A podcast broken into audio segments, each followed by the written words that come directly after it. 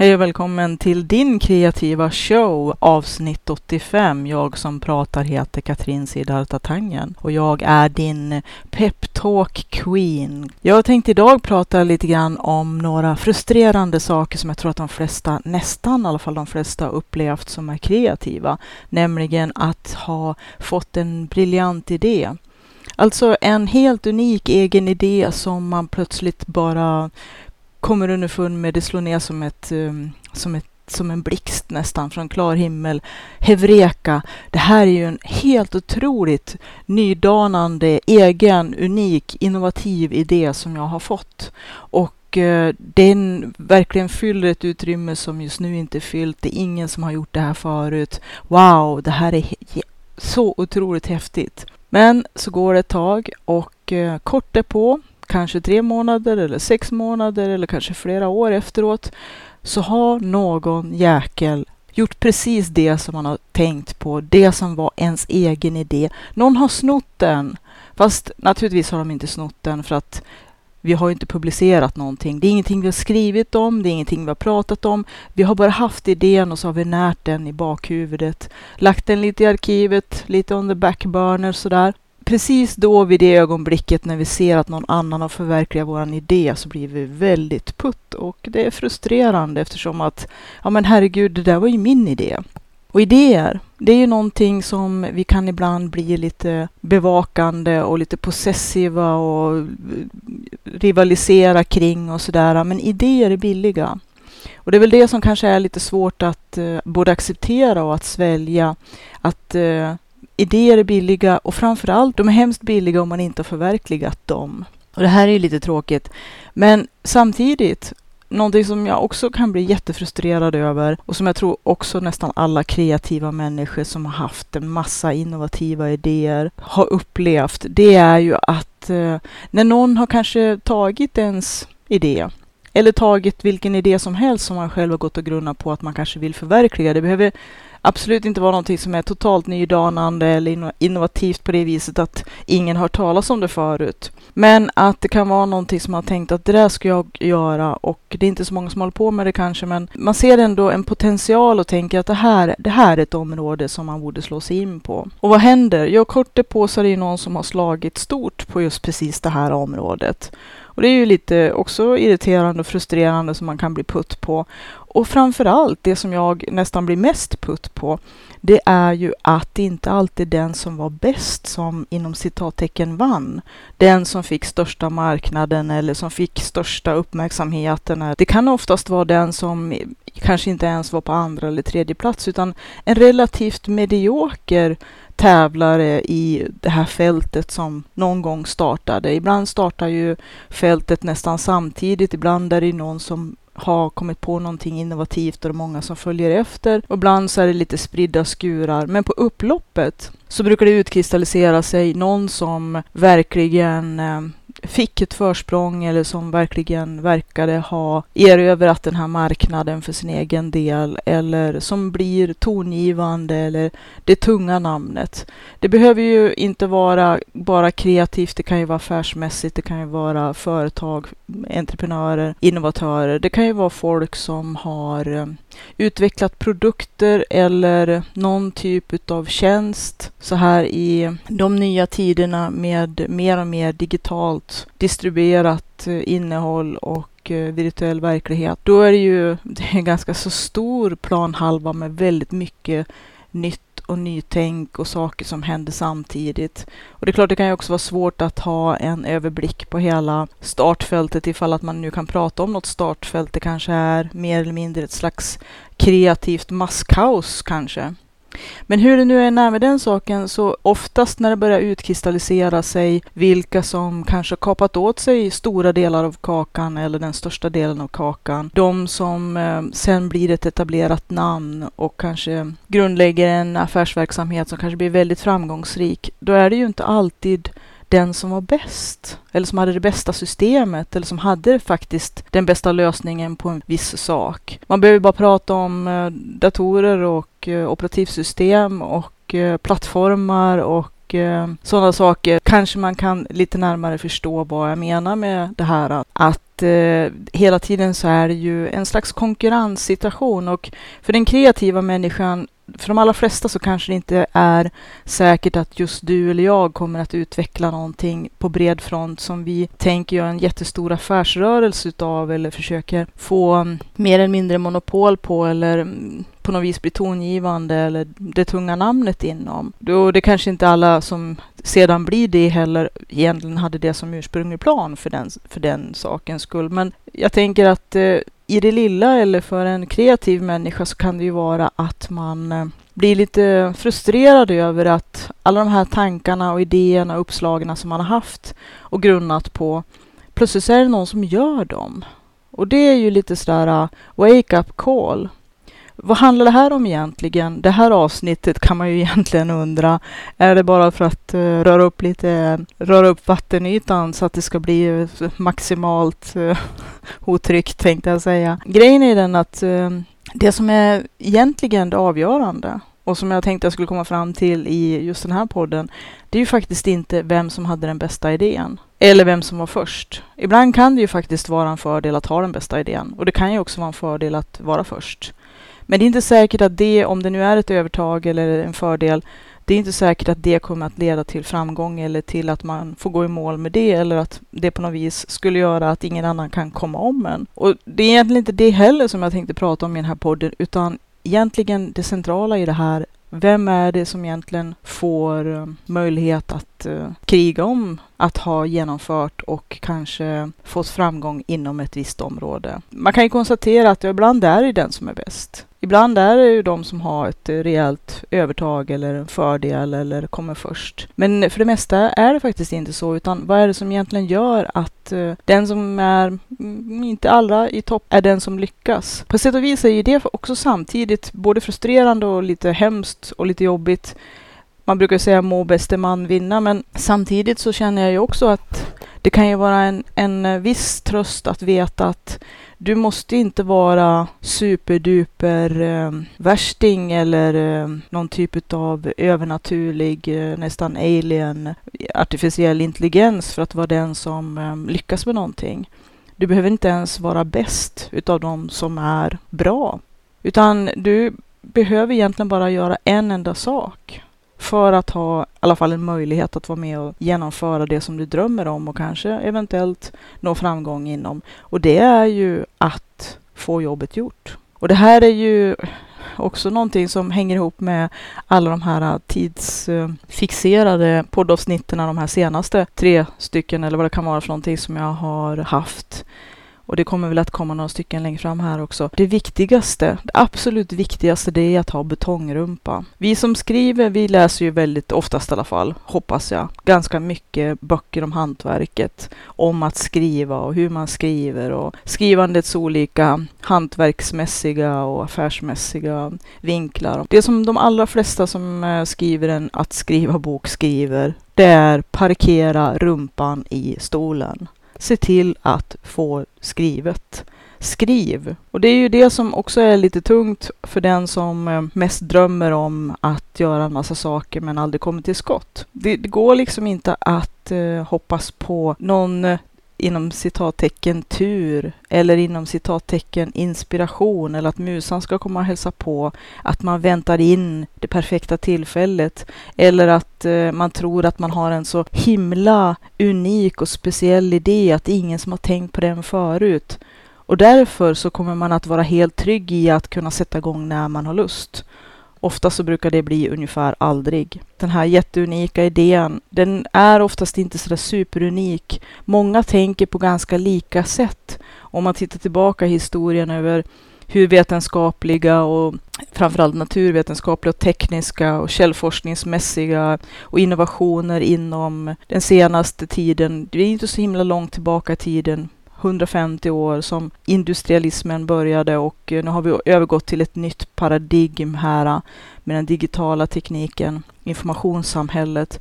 Men att eh, det är väldigt kort tidsspann egentligen och att många gånger så har vid exakt samma tillfälle eller tidpunkt flera personer, varandra oberoende, kommit på ungefär samma idé samma grundkoncept som för tiden har varit helt och hållet nytt som ingen har tänkt på förut. Verkligen innovativt, verkligen kreativt eftersom att det oftast då handlat om en helt ny kombination utav fragment och kunskap som redan finns som man har kombinerat ihop på ett helt nytt sätt och kommit fram till ett ganska så annorlunda resultat. Och därmed har man uppfunnit någonting nytt nya naturvetenskapliga eller tekniska landvinningar, då har ju människ människan tagit oftast stora steg, quantum leaps. Men att det har skett parallellt hos flera personer, varandra oberoende, och det handlar om vem som först publicerar, när det gäller i alla fall vetenskapliga arbete, vem som först publicerar, som får äran att ha, inom citattecken, kommit på det här revolutionerande nya. Men det är ju inom naturvetenskap och samtidigt så kan det också vara ganska, om man nu ska prata om schyssta eller sportsliga regler och sådär, egentligen är det först till kvarn som gäller. Det är liksom en väldigt demokratisk regel på ett vis, samtidigt som att eh, det ibland kan kännas som att det är fel person som kanske får något slags försteg när andra kanske kommit minst lika långt eller till och med längre eller varit mer förtjänta eller haft en mer gedigen grundunderbyggnad eh, eller tanke med det de har tänkt. Deras idé kanske var bättre, deras teknik kanske var bättre. Men att det inte är den som vinner i slutändan, därför att det är den som kommer först till kvarn och maler som, som kommer att eh, ha också största möjligheten att Eh, gå i mål. Jag pratade i förra avsnittet om det här med att vi väldigt mycket jämför oss med de som redan har gått i mål, att det kan ju vara extremt nedbrytande. I det här avsnittet, som, det kan ju verka som att det här också är väldigt nedbrytande, att här är det många som har en massa innovativa idéer som är helt nya och eh, men sen blir de inte först med dem. De blir inte de som lyckas eh, sätta verklighet bakom handling. Jag har ju pratat om det förut att det här med att ha drömmar och visioner är ju jättebra, men om man inte sätter någon handling bakom, då är det ju bara en fantasi. Och det är ju det som är lite tråkigt att eh, om man vill förverkliga sina idéer och inte sen blir sur över att det är någon annan som hinner före, då måste man ju få tummen ur helt enkelt. Få ändan ur vagnen. Det finns ju hur många sådana talesätt som helst som man skulle kunna plocka fram, men alla är ju faktiskt sanna. Komma ur startblocken till exempel. Att, eh, inte sitta och grunna för länge. Och det är väl det vi gör. Vi analyserar ofta sönder saker. Vi ska invänta det rätta tillfället som aldrig kommer. Vi har inte de rätta förutsättningarna. Intalar vi oss och så gömmer vi oss bakom det. Eller så är det bara det att vi tänker att ja, men det här är så himla special så att jag måste verkligen grunna på det här tills jag har det absolut perfekta konceptet. Annars så kommer jag inte att bli nöjd med mig själv eller då är det ingen idé att sätta igång. Vi har ju hundra miljoner ursäkter för att prokrastinera och många av dem kan ju spåras tillbaka till de tre grundgrupperingarna utav vilka vi är som prokrastinerar och varför vi gör det. Man kan lyssna tillbaka på de avsnitten som är lite före det här tids, eh, ska vi kalla det för tidsfixerade avsnitten, de senaste tre avsnitten eller vad det är för någonting. Men lite före det så pratade jag en hel del om prokrastinering så man kan gå tillbaka och titta på de avsnitten. Det som jag ändå tycker är faktiskt är det man kan ta med sig från det här, det är att eh, faktiskt inte tänka så länge. Att det är väldigt lätt att hamna i analysis paralysis och att vi inte egentligen kommer till skott bara för att uh, vi sätter upp igen alla de här mentala hindren eller massa förutsättningar som vi skriver upp som när, när man i efterhand tittar i facit eller i backspegeln ser hade ingen som helst betydelse.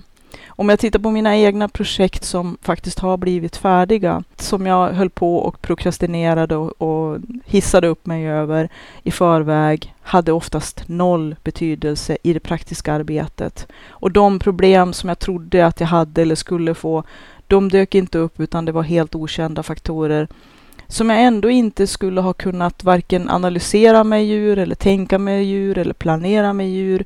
Att många gånger handlar det bara om att sätta igång parkera rumpan i stolen eller om det är framför stafflit eller i keramikverkstan eller om det är var man nu har sin verksamhet någonstans. Jag pratar ju väldigt mycket ur skrivandet som, som ett slags eh, som en röd tråd för att det är väldigt lätt att eh, se liknelser ifrån just skriva processen som man kan översätta till nästan alla kreativa verksamheter. Men man skulle ju lika gärna kunna vända på det och säga att vilken kreativ verksamhet man än håller på med så skulle man ju kunna göra en, eh, göra en liknelse utav det och ha det som överförd bemärkelse på saker som man vill peka på. Men att betongrumpa, att sätta sig i stolen och att faktiskt få jobbet gjort. Att sätta igång överhuvudtaget. Det är ju det som är själva grundbulten i att förverkliga sina idéer. Men vi har ju en miljon olika orsaker till varför vi inte kan det. Och det som jag har pratat mycket om i de senaste avsnitten har ju handlat om tid. Att vi är ju väldigt, väldigt upptagna. Att det är väldigt svårt att skapa utrymme för det här skapandet. Och att eh, även om vi skulle kunna göra det så har vi hundra miljoner orsaker och, och ursäkter och saker vi gömmer oss bakom för att vi inte prioriterar det vi faktiskt borde prioritera. Det som är det viktiga för oss, det vi brinner för, våran passion helt enkelt. Och det som vi skulle bli halva utan och inte ha varit sann mot oss själva ifall att vi inte förverkligar. Men det tråkigaste är ju när man ser någon ha gjort exakt det som man har gått och grunnat på. En idé man fick för tre månader sedan eller sex månader sedan eller två år sedan eller whatever. Och så sen blir man lite sådär sur att jaha, nu har, nu har det tåget gått också. Nu är det kört för mig. Det här som var nästan min heliga graal, det som jag gick och liksom, eh, det lilla gnagbenet som jag gick och grunnade på. Nu är allting borta. Fast som jag sa tidigare, idéer är billiga. Problemet när man är ny och kanske lite idealist och kanske bevakar sina idéer stenhårt och tror att någon ska stjäla dem ifrån en och sådana saker. Ofta är det helt oförverkligade idéer som inte finns, som inte har publicerats, inte en rad har skrivits, inte ett stygn har tagits. Ingenting har gjorts i det arbete som ligger framför en för att förverkliga det. Ändå blir vi jätteupprörda över att någon har skäligt våran idé. Stulit heter det väl på bra svenska. Hur som helst så tänker jag att eh, idéer, det är någonting som jag har märkt i alla fall, ju fler man har, ju fler får man. Jag har ja, en hel låda full med anteckningar nu, med idéer som jag kastar ner vart efter de dyker upp, för jag vill inte tappa bort dem. Jag har ju pratat en hel del om det här med att anteckna, anteckna, anteckna eller på andra vis dokumentera eller registrera saker som poppar upp i skallen. För att man tycker när man får en idé eller en tanke på saker man vill göra, det här kan jag inte glömma för det här är så speciellt. Men mycket vatten flyter ju oftast under broarna och eh, rätt vad det är så kommer vi på att vi har glömt en massa saker efter vägen. Och så kommer vi inte på den här superduper bra idén vi hade. Det är ju jättefrustrerande det också. Så även om idéer kan förverkligas utav någon annan skulle jag också vilja säga så här. Ingen kan förverkliga din idé på just ditt sätt. Om man tänker igen då det här med skrivande som en ganska tacksam röd tråd att ha, så är det ju det att den historia som, som inte finns, den har inte skrivits och kommer inte att skrivas därför att alla historier har redan skrivits. Mänskligheten är stor och vi har ju en ganska lång, i alla fall relativt lång skriftlig historia när människor har skrivit ner saker och ting och eh, berättelser har ju alltid funnits. Jag tror att storytelling och berättelser, det är ju någonting som vi människor samlas kring. Att det är en ganska viktig motor i, i våra liv, även om vi kanske inte aktivt går omkring och tänker på det på samma sätt som en författare gör till exempel. Men ändå är det ju det att våra liv består ju av historier, både historier som vi vill ta in och lyssna på, den här gamla liknelsen med att vi samlas kring lägerelden, muntligt överförd historia eller skriftligt överförd historia, att vi berättar saker för varandra. Det här informella historieberättandet, det är någonting som vi kanske inte tänker så mycket på. Vi tar ju det lite grann för givet eftersom att det är en del utav våran vardag. Vi pratar med varandra, vi är sociala djur, vi är flockdjur. Och det här med berättelser och storytelling, det är ju ett sätt för oss att både anknyta till andra människor och att eh, lära oss. Vi tar del av andras erfarenheter, vi får se på insidan hur andra människor tänker, deras fantasier. Att berättelser är ju oftast någonting som vi kan leva in oss väldigt starkt i. Men det finns inte en enda berättelse som inte har hunnit bli berättad. För vi är väldigt många människor och de allra flesta människor har ju på något vis kommit i kontakt med nästan alla typer utav historier och berättelser som finns. Nu ska jag inte sitta här och rabbla upp det som alla skrivarböcker brukar skriva listor om. Vilka historier, det finns väl säkert en massa olika teorier och hur man nu ska dela in olika typer av berättelser och och eh, vilka som räknas som, man ska kalla det för arketyper eller de berättelser som eh, mänskligheten hela tiden samlas och har samlats runt omkring. Men att eh, en del är ju lite radikala och säger att det finns egentligen bara tre grundhistorier eller nio grundhistorier eller hur många grundhistorier nu man vill räkna upp och det beror på hur detaljerat man vill särskilja dem. Men att de flesta historier har redan berättats. Men det som skiljer den ena berättelsen från den andra, det är de personerna som berättar och lyssnar på historien. Mottagare och sändare. Och att vi som författare, eller som kreativa människor överhuvudtaget, vi har vår egen röst. Och det här kan ju ta en ganska lång tid att utveckla för de allra flesta kreativa människor. Och enda sättet att utveckla sitt, sin egen stil, sin egen röst, jag tänker att många gånger så när man har lärt känna en, en artist eller en konstnär eller en serietecknare eller en, en person som sätter böcker, designar någonting som har, som har en nisch där de har blivit ganska etablerade. Om man har lärt känna dem och så efter ett visst tag så känner man igen deras arbete, att de har ju ett eh, slags eh, eget fingeravtryck på det de gör. Att vi kan många som är lite mera pålästa och kunniga inom ett visst område, vilket område som helst, om det handlar om en viss artist eller konstnärs arbete, en viss persons sätt att skriva sånger eller en viss persons sätt att göra keramik, tekoppar eller vad man än har för någonting. Då kan de som vet tillräckligt mycket och har sett tillräckligt mycket av den personens arbete nästan alltid identifierar deras fingeravtryck. Och så är det för mig med några av mina mest, om man ska kalla det för omhuldade författare, konstnärer, artister, att eh, jag har lärt känna deras arbete så väl att även om det är många som gör exakt samma typ av arbete så kan jag direkt se vem som har tecknat det här, vem som har målat det här, vem som har satt den här boken, vem som har designat den här, eh, vad det nu är för någonting, vilken författare som har skrivit den här typen av text.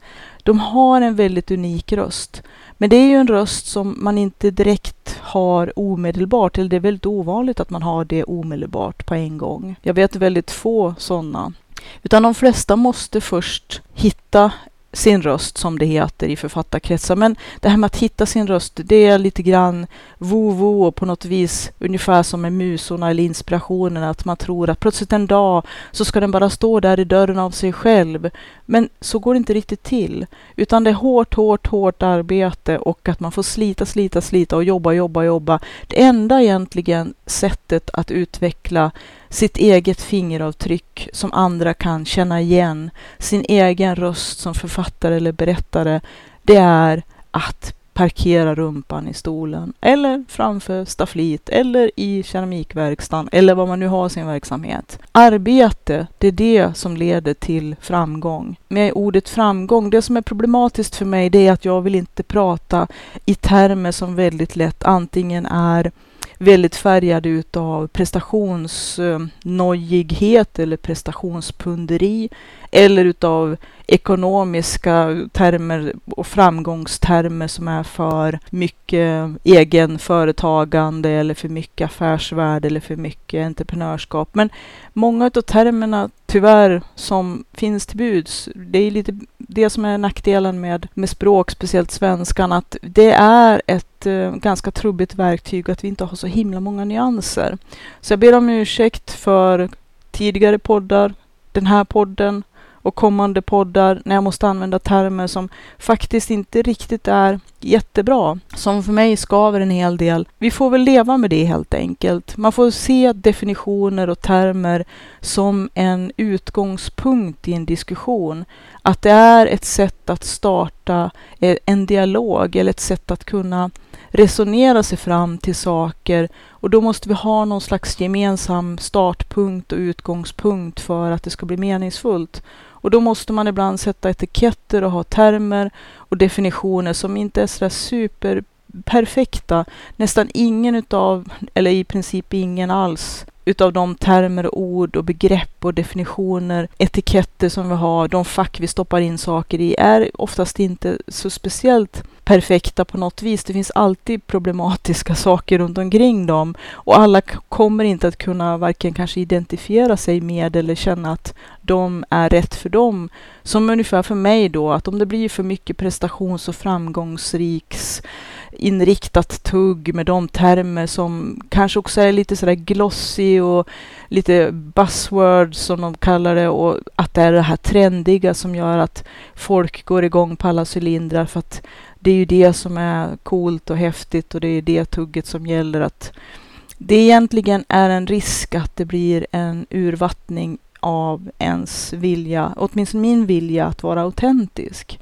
Att det blir för mycket inriktning på framgång och pengar och hur snygg man är och hela den här balletten som jag pratade lite grann om i förra avsnittet. Men när det gäller att eh, förverkliga sina idéer så finns det ju bara ett en väg till framgång. Och framgång är ju någonting som vi också måste för oss själva sätta oss ner med och bena ut. Vad är egentligen som är det viktiga för mig? Vad vill jag åstadkomma? Vad är mitt mål med det här? När känner jag att jag har rönt framgång? Och det kan ju vara jätteolika för alla oss människor. Och, och, är man inte klar över det är det ju väldigt svårt att ens skriva några mål och ha någon deadline och göra ett arbete. Eller man kan göra det och jag tror att de flesta faktiskt också gör det och jag har själv också gjort det. När man håller på och jobbar som bara den och sen när man kommer ut i andra änden och har blivit färdig och gått i mål så har man kommit underfund med att nej men vad tänkte jag nu egentligen?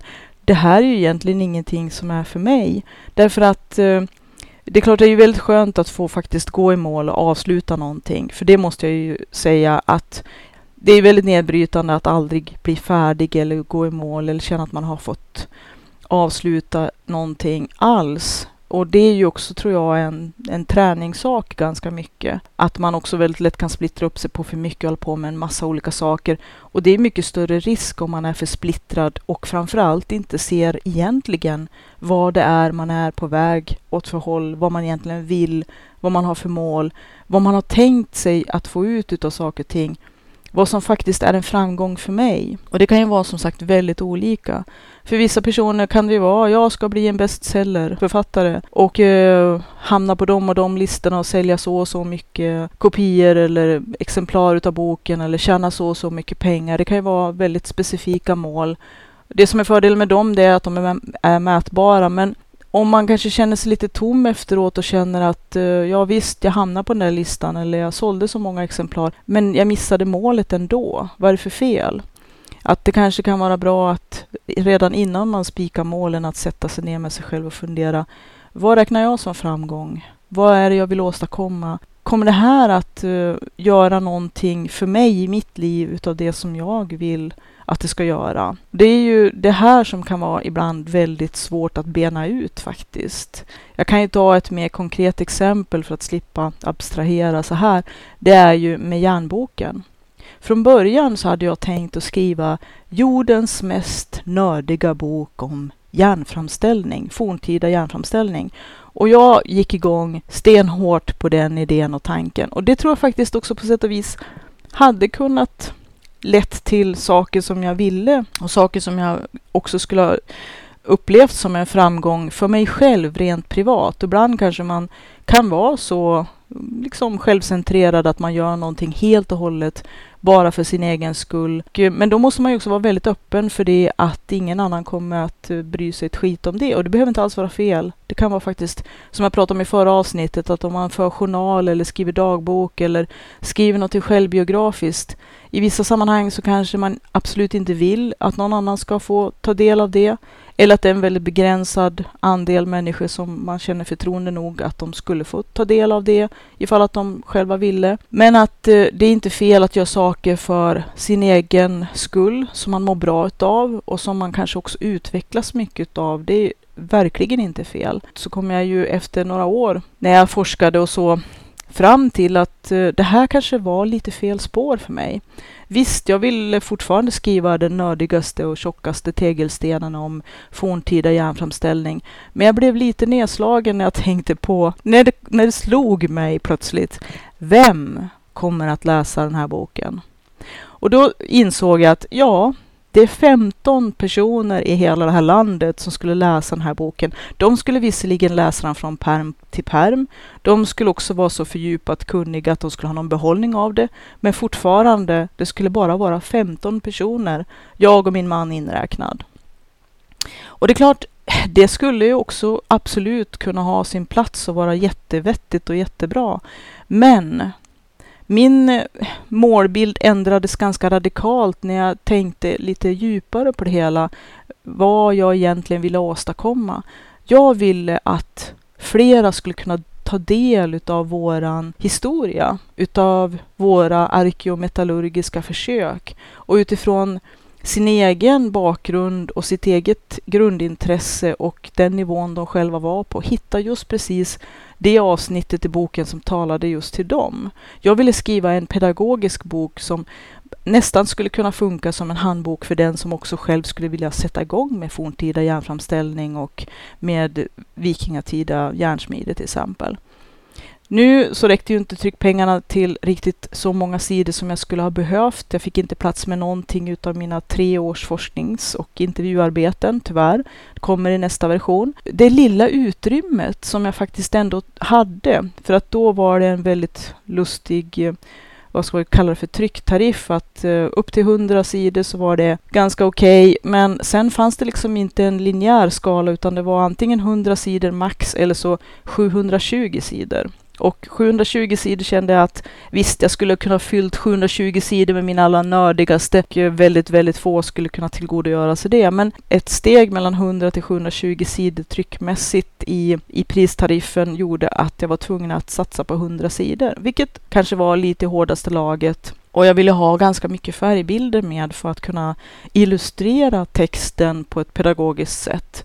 Så färgbilderna, de hade en ganska så stor andel av budgeten när det gäller pengar, men också utav utrymmet i boken och då krympte ju också en hel del det utrymme som var disponibelt för mig. Det, jag tror ändå att det ledde till någonting väldigt bra. Det var att jag var tvungen att uh, verkligen, verkligen skärskåda vilka delar som skulle vara med. Boken blev inte exakt den jag hade drömt om, men jag tror att den blev mycket bättre genom att det här eh, begränsade utrymmet tvingade mig att tänka i en, i en helt annan typ av struktur och pedagogiskt och uppläggningsmässigt och layoutmässigt och att utnyttja varje del utav boken rent både layoutmässigt och typografiskt med bildtexter och faktarutor och hela balletten gjorde att det blev en mycket bättre bok för alla de som var intresserade utav de områdena som vår verksamhet täcker eller gränsar till. Och det är ju ganska många olika. Jag ska inte gå in på detaljer om det. Då får man kanske gå in och kolla in järnboken på hemsidan www forntida järn med e, järn.se. Man kan också hitta den via våran sida helltjärn.se där vi håller på med våra blästerhelger som ibland är öppen för, för allmänheten två gånger om året. Det är på www.helltjärn med e,